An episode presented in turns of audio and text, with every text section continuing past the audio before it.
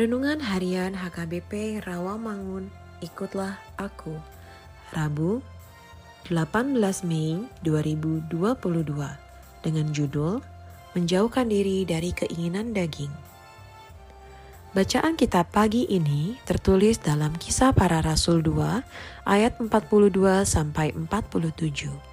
Bacaan kita malam ini tertulis dalam Efesus 4 ayat 17 sampai 24.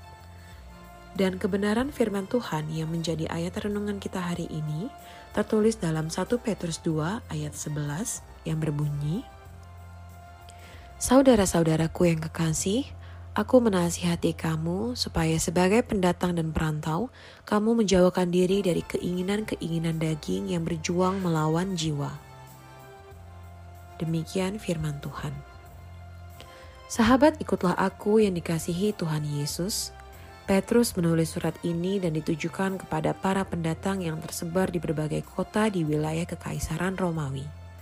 Mereka ini adalah orang-orang percaya yang tersebar ke berbagai daerah karena penganiayaan dan pengusiran karena iman mereka.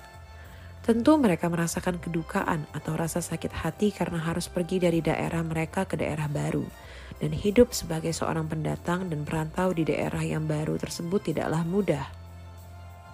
Ayat ini juga relevan bagi diri kita. Kita semua juga adalah pendatang dan perantau, dalam artian kita hidup di dunia ini yang sebenarnya bukan tempat kita yang sesungguhnya.